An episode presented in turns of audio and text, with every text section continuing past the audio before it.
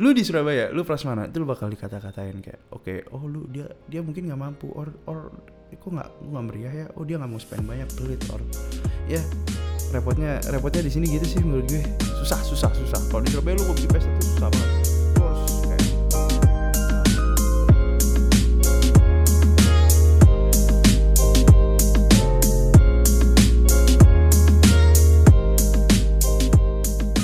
Hey everyone, welcome back to PSK pada suatu ketika season 1 episode 19 dan sekarang gue lagi pengen ngomong tentang pernikahan. Jadi sebelum gue eh, lanjut ke topiknya, gue cuman mau ngomong sih eh, podcast minggu lalu udah denger belum?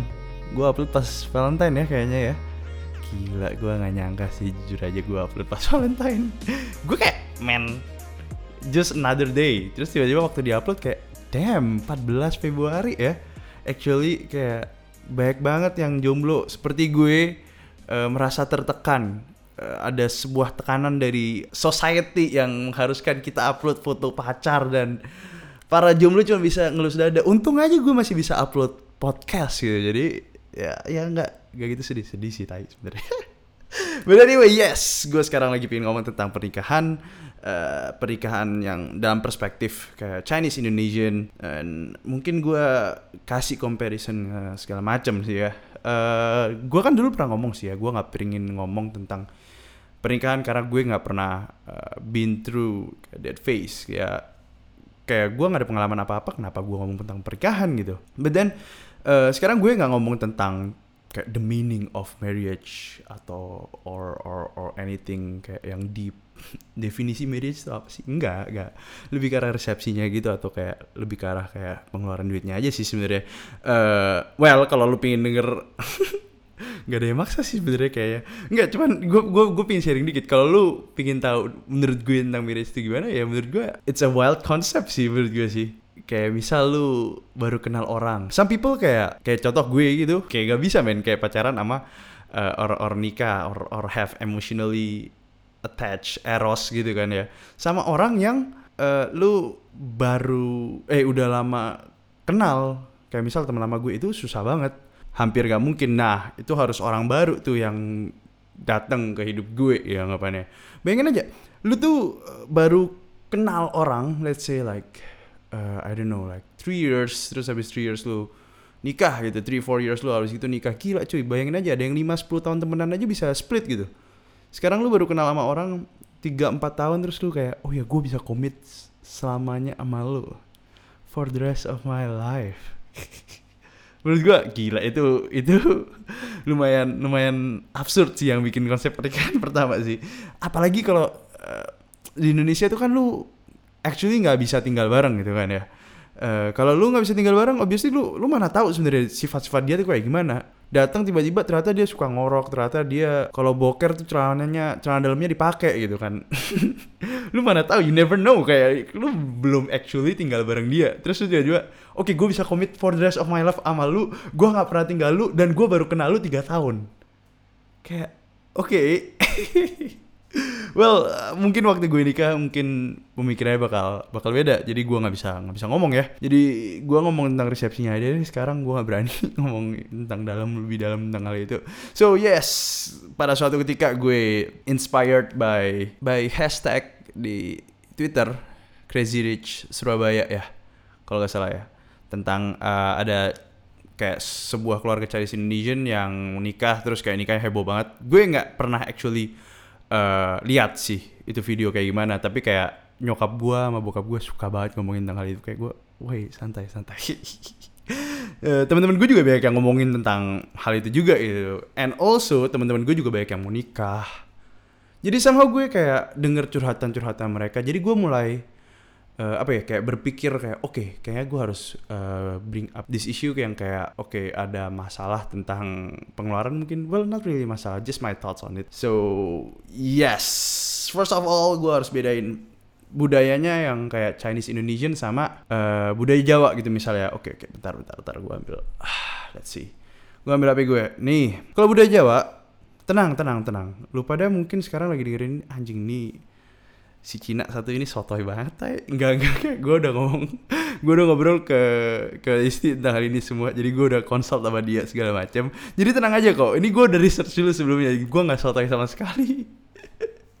Oke, okay, uh, eh, di sini sih Isti cerita ke gue nih ya. Kalau ada Jawa tuh uh, rias busana, dokumentasi, jalannya acara, WO start 80 sampai 150 juta. Catering 150 sampai 250. Gedung start 15 juta kayaknya sih 500-an untuk middle ke upper di daerah Jawa Timur itu normal banget kata dia itu. Untuk middle tuh upper class. Kalau di Jakarta lu bisa habis kayak 800 sampai 1 M. Ya obviously ada yang spend jauh di atas itu pasti ada. Cuman maksudnya pada umumnya aja nih yang kita uh, ngomongin terus ya Isti bilang kayak beda banget ya masih uh, kayak Cina-Cina Indo itu kayak kalau spend pernikahan tuh jauh di atas itu dan gue emang ngerasa Cina-Cina di Indonesia itu kalau spend jauh men gak kayak menurut gue lebay banget. Jadi itu dulu. Jadi lu pada harus ngerti dulu kayak spendingnya aja udah beda ya. Terus untuk acara kayaknya kita punya kesamaan sih ya. Uh, untuk acara sama-sama. Kalau gue Cindo tuh biasanya uh, kalau lu belum pernah datang biasanya tuh kita pagi siang gitu pemberkatan di gereja atau kalau lu Buddha lu ke vihara ke kelenteng. Terus habis gitu uh, familynya balik ke hotel. Habis dari hotel uh, biasanya langsung ke resepsi pernikahan malam. Nah, kalau di budaya Jawa kan uh, yang pertama itu pengajian, habis pengajian yang kedua itu siraman, terus habis gitu yang ketiga akad, yang keempat itu resepsi. Nah, jadi ada ada ada ada, ada kemiripan gitu. Jadi gak, cuma satu acara kelar, ada resepsinya juga kan. Uh, jadi itu untuk ada Jawa, ada Chinese, masih belum ngerti juga Oke, okay, bayar, bayar. Oke, okay, gue kasih lihat. Dulu yang pertama tadi gue, gue ngomong tentang apa sih? Uh, acaranya beda, spendingnya beda kan. Sama yang terakhir tuh bayarnya beda. Bayarnya kalau misalkan di ada Chinese itu cowok harus bayar lebih banyak. Apakah ada cewek yang bayar lebih banyak? Ada aja temen salah satu temen nyokap gue gitu punya anak kalau nggak salah tuh ini tajir banget di Surabaya anaknya itu uh, jadi anak temen nyokap gue tuh cowok dia tuh nipu tapi udah terlanjur suka sayang. Akhirnya jadian nikah gitu. Uh, nikahnya di Seraton waktu itu gue masih inget kira-kira kayak uh, yang si cowok si ceweknya gitu ngundang kayak sekitar uh, eh, 100 meja. Terus si si cowoknya cuma ngundang dua meja. Can you imagine? Gitu kasihan banget boy. Jadi ada-ada aja, ada aja kejadian gitu, tapi jarang. Kayak most of the time emang harusnya cowok yang bayar lebih banyak. Kalau dia ada Jawa kan uh, cewek yang Jawa Timur sama Jawa Tengah ya. Gue gue dikasih tahu sih Jawa Timur Jawa Tengah tuh biasanya cewek yang bayar gitu loh. Di Madura juga gitu cewek yang bayar. Terus kalau misalkan di uh, si Isti bilang kalau di Bandung kayak cowoknya juga bayar lumayan banyak gitu. Jadi ya, ya tiap tempat beda gitu. Tapi kalau Jawa Timur tetap ceweknya bayar lebih banyak. Jadi di sini di sini udah ngerti kan? Adatnya tuh berbeda macam-macam ada juga kalau di luar pulau tuh anak ceweknya dibeli. Jadi uh, semakin anak ceweknya sip bayarannya harus makin gede. Ada juga di Papua salah satu temen gue juga kayak gitu tuh. Jadi uh, macam-macam ya, macam-macam macam-macam.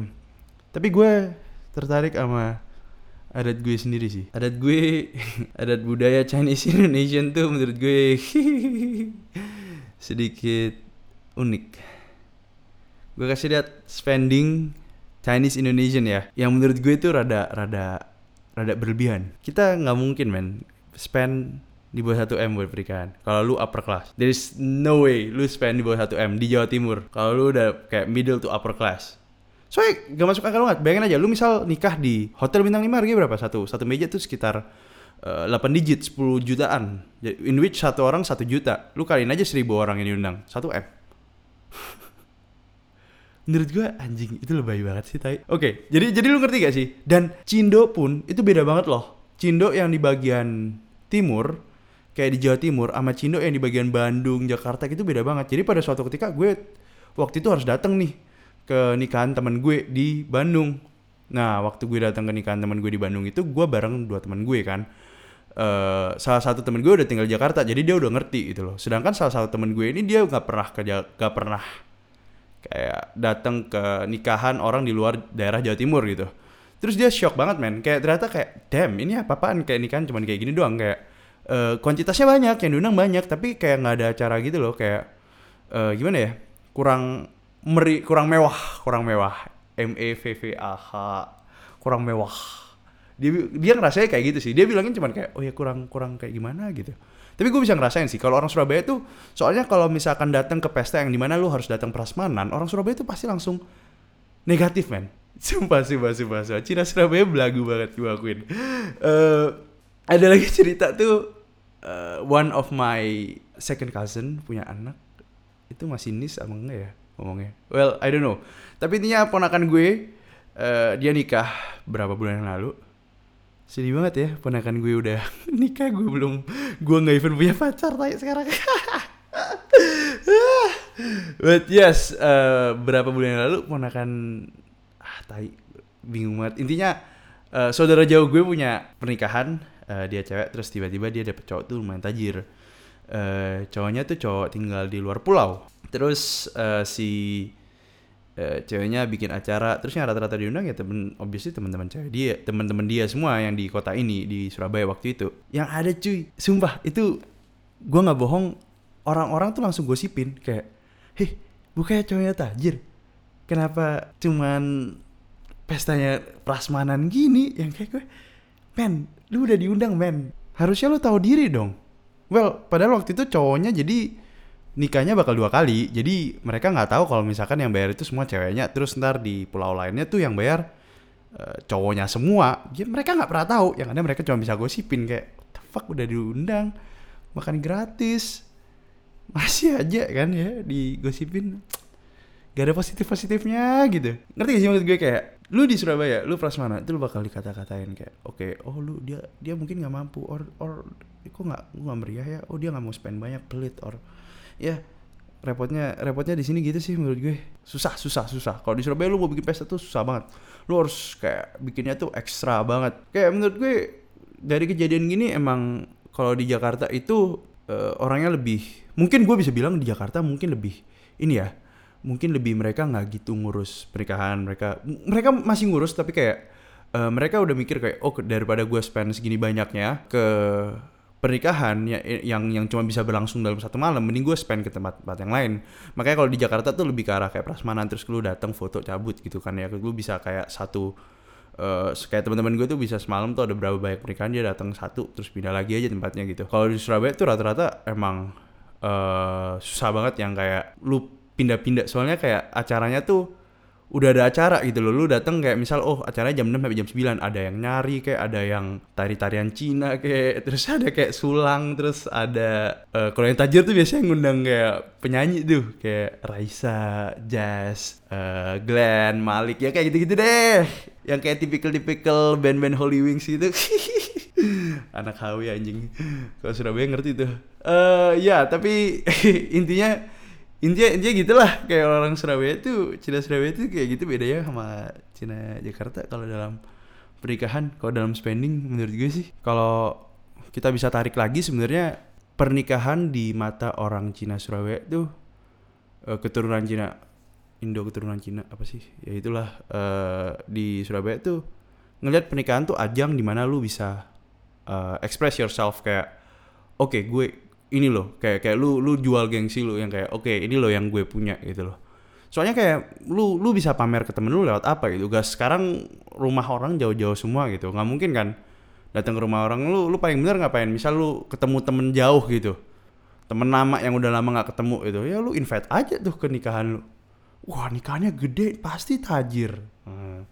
makanya mereka menurut gue show offnya tuh di sini gitu loh harganya tuh di sini in my opinion emang menurut gue itu nggak nggak masuk logika ya buat lu spend segitu gedenya mm-an dalam waktu satu malam. Dengan lu misal mm-an yang lu keluarin dalam waktu satu malam itu bisa lu pakai buat kembangin bisnis lu atau mungkin lu bisa edukasi anak lu pindah ke pindah rumah ke neighborhood yang lebih bagus beli mobil baru gitu. Tapi lu instead of that lu orang-orang ini masukin duitnya ke satu malam. Gue nggak bisa ngomong adatnya emang kayak gitu sih di Surabaya ya. Kayak even waktu ke gue sekolah US aja teman-teman gue tuh pada ngomong kayak gila.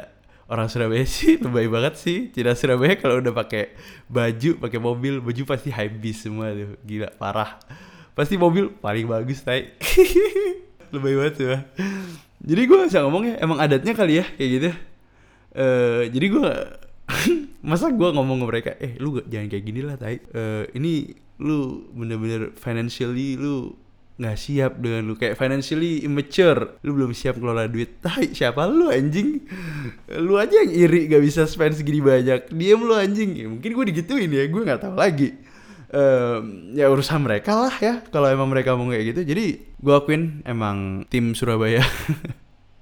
Tim-tim Cina Jawa Timur emang kayak gitu. Jadi mau gimana lagi ya? Salah satu teman gue pernah uh, gue bisa bilang pernah curhat ke gue berapa minggu yang lalu dia curhat ke gue tentang dia mau nikah dan gimana konsep pernikahannya sedikit berbeda. Gue akuin temen gue ini sangat oke okay dalam manage duit dia. Gue harus akuin itu. Soalnya dia kayak bener-bener bisa menahan ego dia buat dia ngeluarin duit. Gue akuin itu. Gue salut sih sama orang yang kayak gitu.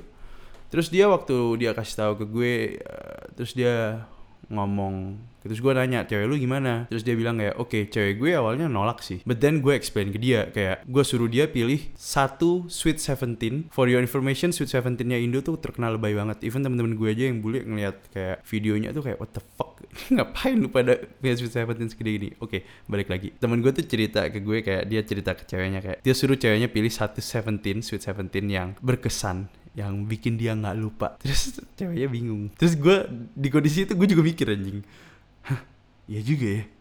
Nggak ada loh Sweet Seventeen yang gue sampai segitunya sampai gue berkesan sampai gue kayak oh my god gue nggak akan ngelupain momen itu. Ya. terus teman gue bilang ya udah lu susah kan mikirnya kan? Uh, dan gue yakin meskipun se sebagus apa Sweet Seventeen lu pasti ada yang ngomongin lu di belakang. Bener juga ya what's the point of it? Terus dia coba explain ke ceweknya dan akhirnya ceweknya mau sih. Ya gue belum tahu realisasinya gimana soalnya mereka bakal nikah tahun depan ya. Tapi dari situ gue langsung pikiran bener juga ya. Hal ini nih kayak obvious banget yang lu sebenarnya cuman sekali doang di hidup lu yang lu mending lu spend daripada lu 1 m lu spend 500 juta 500 juta lu bisa beli mobil or lu bisa vacation ke I don't know. Lu bisa 500 juta lu bisa kalau lu malas jalan sendiri lu bisa ikut tour. Mungkin lu bisa tour ke Europe like 10 times gitu. Gue yakin itu bakal lebih berkesan di hidup lu sih.